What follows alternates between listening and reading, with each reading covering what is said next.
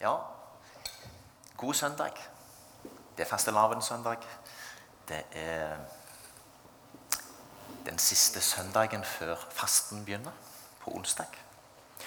Og de tekstene vi har for oss i dag, de handler om kjærlighet, inderlighet og fellesskap. Og Jeg skal prøve, å si litt om dette. Før vi går videre, så ber vi sammen. Herre, takk for at vi alle har fått av din fylde. Takk, Herre, for at du Far, du Sønn og du Hellige Ånd bor inni oss. Takk, Herre, for alt du har gitt oss. Takk for alle velsignelser. Takk for fellesskap vi har med hverandre, Herre. Og takk for at vi kan få kjenne deg igjen i vår bror og søster. Nå ber jeg Herre om at du gir oss en fin gudstjeneste videre. Jeg ber om at du er til stede her ved din ånd. Jeg ber om at du i ett og alt får gjennomsyre gudstjenesten vår, og at du får gjennomsyre fellesskapet vårt på alle måter. Vi legger stunden i din hånd, Herre. Amen.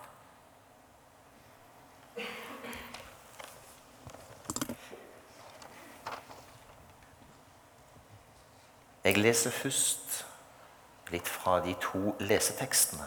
Vi har først Høysangen 8, 6-7. Sett meg som et seil på ditt hjerte, som et seil på din arm. For kjærligheten er sterk som døden, lidenskapen mektig som dødsriket. Den flammer opp som ild, som en mektig flamme. Ingen vannflom slokker kjærligheten, elver kan ikke skylle den bort.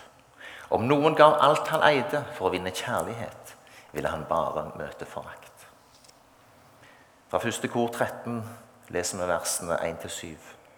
Om jeg taler med menneskers og englers tunger, men ikke har kjærlighet, da er jeg bare drønnende malm eller en klingende bjelle. Om jeg har profetisk gave, kjenner alle hemmeligheter og eier all kunnskap. Om jeg har all tro så jeg kan flytte fjell, men ikke har kjærlighet, da er jeg intet. Om jeg gir alt jeg eier til brød for de fattige, ja, om jeg gir meg selv til å brennes, men ikke har kjærlighet, da gagner det meg intet. Kjærligheten er tålmodig, kjærligheten er velvillig. Den misunner ikke, den skryter, skryter ikke, er ikke håndmodig. Den gjør ikke noe usømmelig, den søker ikke sitt eget, blir ikke oppbrakt og gjemmer ikke på det onde. Den gleder seg ikke over urett, men har sin glede i sannheten. Kjærligheten utholder alt, tror alt, håper alt og tåler alt. Og Så leser vi sammen evangelieteksten, preiketeksten, som står i Johannes evangeliet kapittel 17, vers 20-26. Jeg ber ikke bare for dem, men også for dem som ved deres ord kommer til tro på meg. Jeg ber at de alle må være ett, liksom du, far, er i meg, og jeg i deg. Slik skal også de være i oss, for at verden skal tro at du har sendt meg. Jeg har gitt dem den herlighet du har gitt meg, for at de skal være ett, like som vi er ett. Jeg i dem og du i meg, så de helt og fullt kan være ett. Da vil verden skjønne at du har sendt meg, og at du har elsket dem slik du har elsket meg. Far, jeg vil at der jeg er, skal de som du har gitt meg, være hos meg. Så de får se min herlighet, som du har gitt meg fordi du elsket meg før verdens grunnvoll ble lagt. Rettferdige Far, verden har ikke kjent deg, men jeg har kjent deg. Og disse vet nå at du har sendt meg. Jeg har kunngjort dem ditt navn og skal gjøre det igjen. For den kjærlighet du har hatt til meg, kan være i dem, og jeg selv kan være i dem.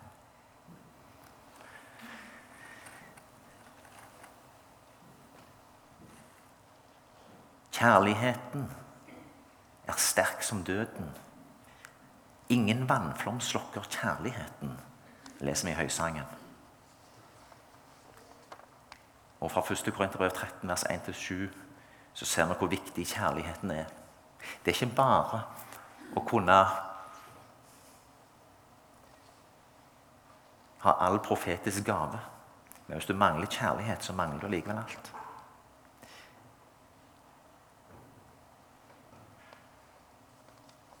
Kjærligheten har sin glede i sannheten, leser vi videre i 1. kor 13. Og eh,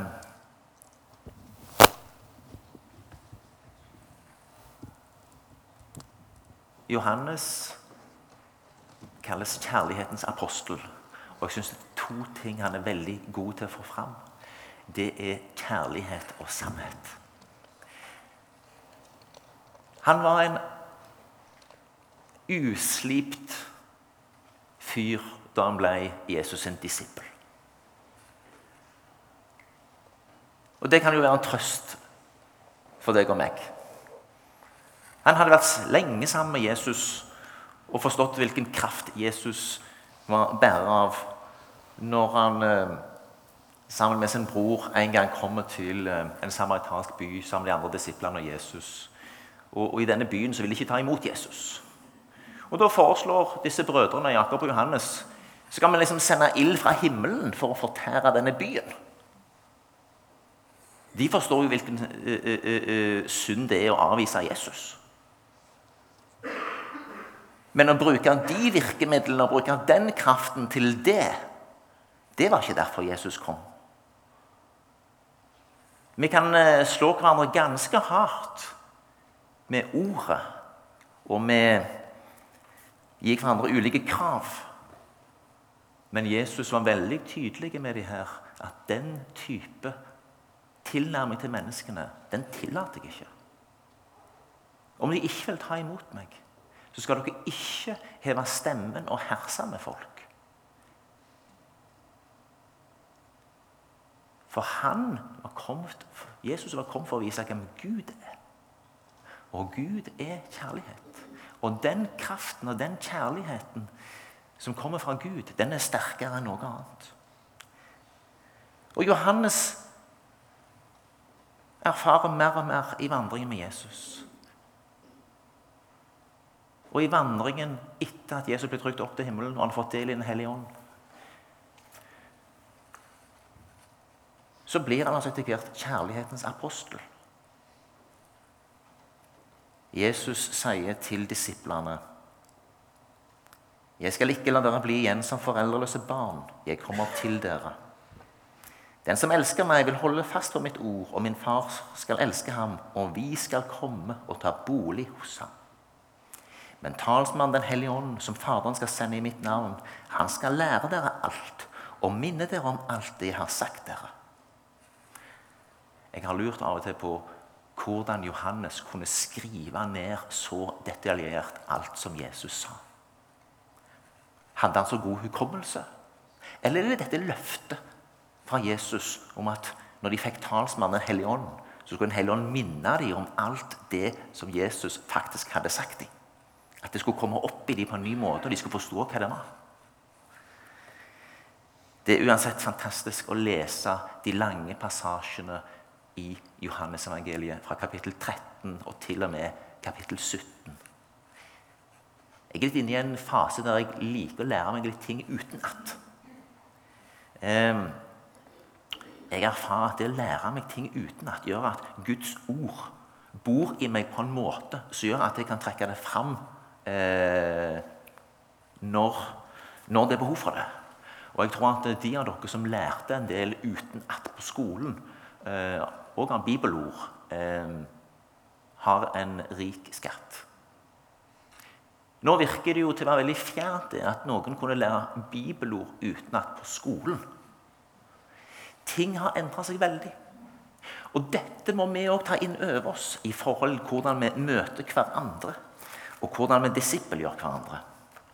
Før kunne en nesten bare vekke til live noe som fantes der fra før av, og så kom det fram. Nå må vi på en helt ny måte hjelpe hverandre i den grunnleggende disippelgjøringen. Og ikke minst hjelpe hverandre med et positivt gudsbilde som gjør at vi forstår at Gud er først og fremst kommet til oss for å vise oss sin kjærlighet. Det er et nødvendig offer at Jesus Kristus dør på korset for å sone våre synder. Men når soningen er foretatt, og du har fått vandre ut fra Egypt, for å bruke et gammelt bilde, under blodet, så er det i grunnen Guds ønske at du skal komme inn i Kanaan, i det rike fellesskapet med Han. Han vil ikke at du skal sitte i ørken og bare takke fordi at du eh, eh kom deg ut av trellehuset. For det var faktisk en gjeng som døde i ørkenen. Han vil ha oss inn i et rikere, indre liv med seg. Det må du få til å erfare hele fylden. Det viste seg at det var en troshandling for neste generasjon å gå inn i Kanaan. De måtte bare gå rett mot Jordanelva og håpe at du stoppet. Og det gjorde hun. Det er faktisk også en troshandling å få lov til å gå dypere inn i et rikere fellesskap med Gud. Og dette fellesskapet er det veldig nødvendig at vi jobber med. Bedehuskultur har vektlagt en takknemlighetsgjeld for rettferdiggjørelsen som en inngang i det rike livet. Men det skjedde et eller annet tror jeg, på 60-tallet der forkynnelse omkring rettferdiggjørelsen ikke automatisk gjør det som noen opplevde at de gjorde før. Her har vi en del sånne litt spennende ansatte å jobbe med. Det er en del sånne generasjonsskiller. Um, som gjør at uh, det som var intuitivt før, og som kunne male fram en bestemt forkynnelse, ikke når oss yngre i dag på samme måte. Jeg erfarer at vi som er født på en, et, et, et, et eller annen dato på 60-tallet Selvsagt er dette en sjablong, kan ikke si det generelt. Trenger litt mer av det som Paulus viser oss på Europagos. Han prøver der å tegne opp et bilde av at Gud er der, at han vil oss noe. At det går an som han sier, å føle og finne han. At Gud kan erfares og bli en levende realitet i våre liv. Og Det er det den teksten vi har for oss i dag, handler om. Den handler om at Gud tar bolig i oss.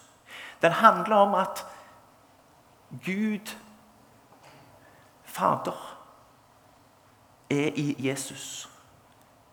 Og både Faderen og Sønnen kommer til oss ved Den hellige ånd og tar bolig i oss.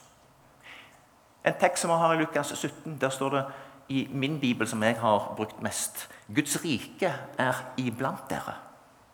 Men i den eldre oversettelsen, i 1930-oversettelsen, og den oversettelsen som mange bruker her i Salem, så står det at Guds rike er innen i dere, eller at Guds rike er inni dere. Vi har fått Guds rike inni oss gjennom pinsen, gjennom at Gud tok bolig i oss ved Den hellige ånd. Og vi er invitert inn til et rikere liv, en fylde sammen med Han. Det er en enorm lengsel der ute. Det er mange som lengter. I eh, vår historiske misjonsarv så har vi en eh, forfatter som heter Asbjørn Aavik, som skrev ei legendarisk bok, ei misjonsbok. Han hadde vært i Kina, og så skrev han boka 'De venter'. Jeg tror mange reiste ut som misjonærer etter å ha lest den boka. Det gjorde noe med dem. De hadde fått sett noe sjøl. Og de kjente på veldig Dette som vi har fått, må vi bringe videre. Jeg tror at i dag kan vi skrive kanskje en ny bok som heter 'De lengter'. Og den lengselen er ikke så langt fra oss nå som Kina. Den er rett ut forbi døra. Det er mange som lengter. Og jeg erfarer òg at mange mennesker, troende mennesker lengter etter et dypere liv med Gud. Jeg erfarer at folk reiser på stille retreat ei helg og møter Jesus på ny. Jeg erfarer at mange inviterer seg sjøl inn i nye praksiser og nye vaner for å møte Gud på en måte de ikke har møtt ham før. Det syns jeg er spennende.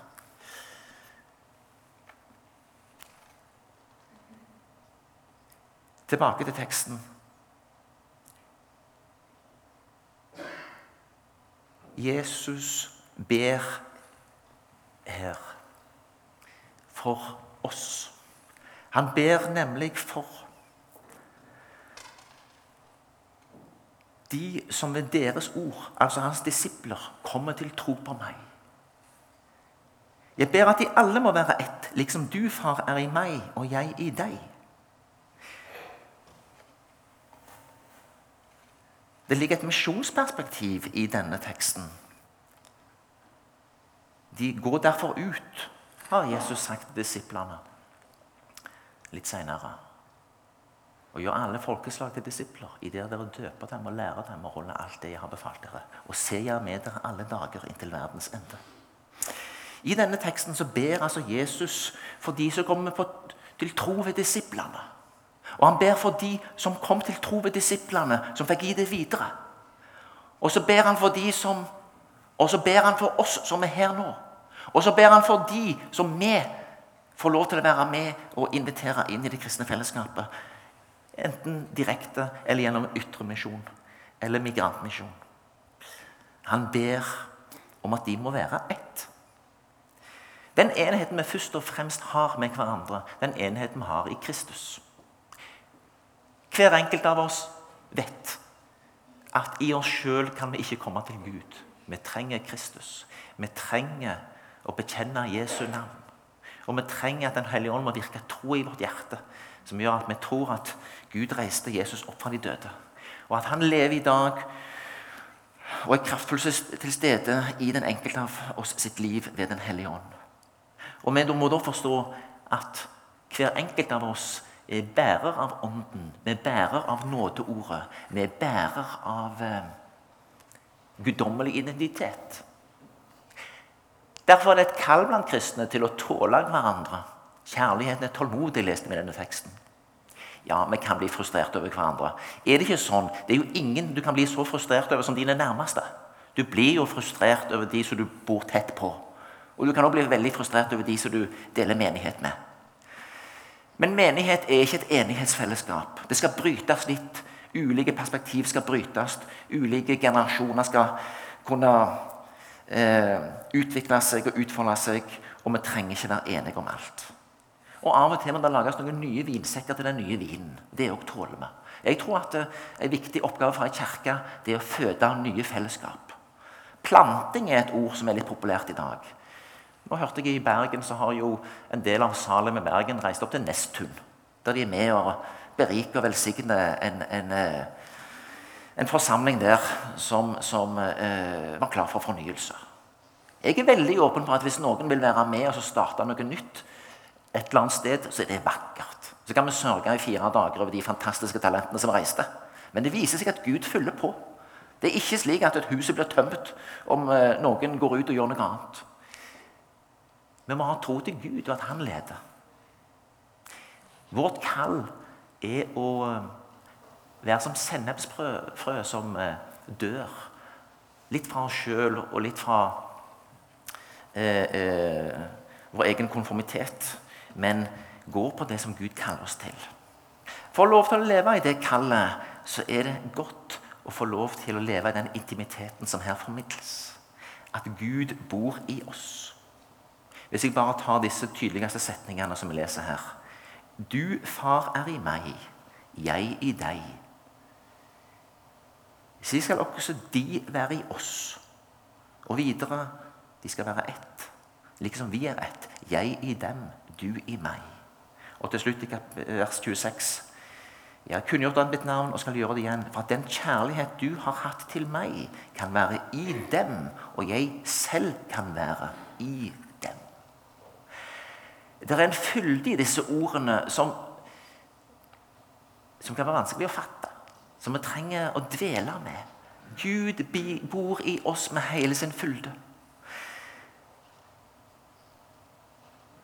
Den som elsker meg, vil holde fast på mitt ord. Litt der som du var, Kristine, om å holde eh, fast på Guds ord. Og min far skal elske ham, og vi skal komme og ta bolig hos ham. For et løfte! Gud skal ta bolig i oss. Han vil bo i oss. Sannhetens ånd skal veilede oss til hele sannheten. Han skal lære, lære oss alt. Og han skal minne oss om det Jesus sa til disiplene.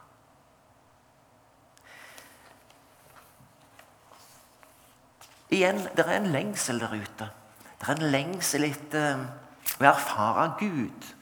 En lengsel som er helt berettiget, og som er på Paulus viser oss på Europagos er en inngang for å få mennesker i tale. Etter at Paulus har sagt at Gud kan erfares og finnes, så er det to-tre stykker som blir kristne. De syns dette var så spennende, og denne Gud ønsker de å bli kjent med. De overgir seg til det Paulus sier, og sier 'Jeg vil tro på det som du her formidler'. Det er lengsel blant troende og det er også lengsel blant mennesker som ikke har en tro. Ennå i Norge så har vi mange som har hørt mye av Guds ord. Det er sådd mye. Og Jeg tror det er litt delt. Jeg tror det er sådd mye i oss som troende, som ennå kan springe ut, som kan vannes og få liv ved Den hellige ånd. Og jeg tror det finnes mye som er sådd der ute. Kanskje særlig blant min generasjon, folk i 50-60-åra som i dag er litt hjemløse, men ikke nødvendigvis eh, eh, har forlatt troen.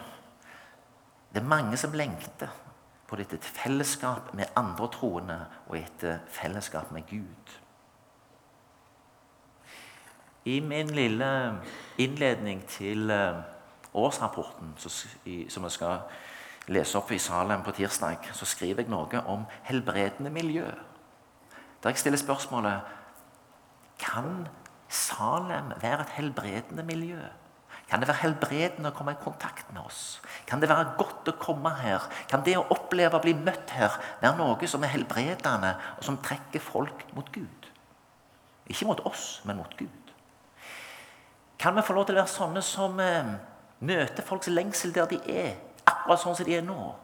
Møter de med den kjærlighet som Gud hadde til israelsfolket, sjøl når de var langt borte. Han ga de ikke opp. Og òg forstå at det, som tordensønnene prøvde på med å la ild falle ned over gjengen i en by i Samaria, ikke var et godt triks for å utbre Guds rike. Gud kaller oss inn i et rikt fellesskap med seg sjøl. Det er et stort mysterium, dette med treenigheten og gudsfylden. Det er et stort mysterium som vi alle blir ferdige å grunne på. Guds rike er inni dere. Vi har fått av Guds ånd. Og vår kall er å utbre disse gudsrike kreftene. Ikke frikobla fra Guds ord, fordi Jesus sier jo at de som holder fast på mitt ord, det er de som elsker ham. Og det skal vi ikke glemme. Dere er mine venner hvis dere gjør det jeg befaler dere.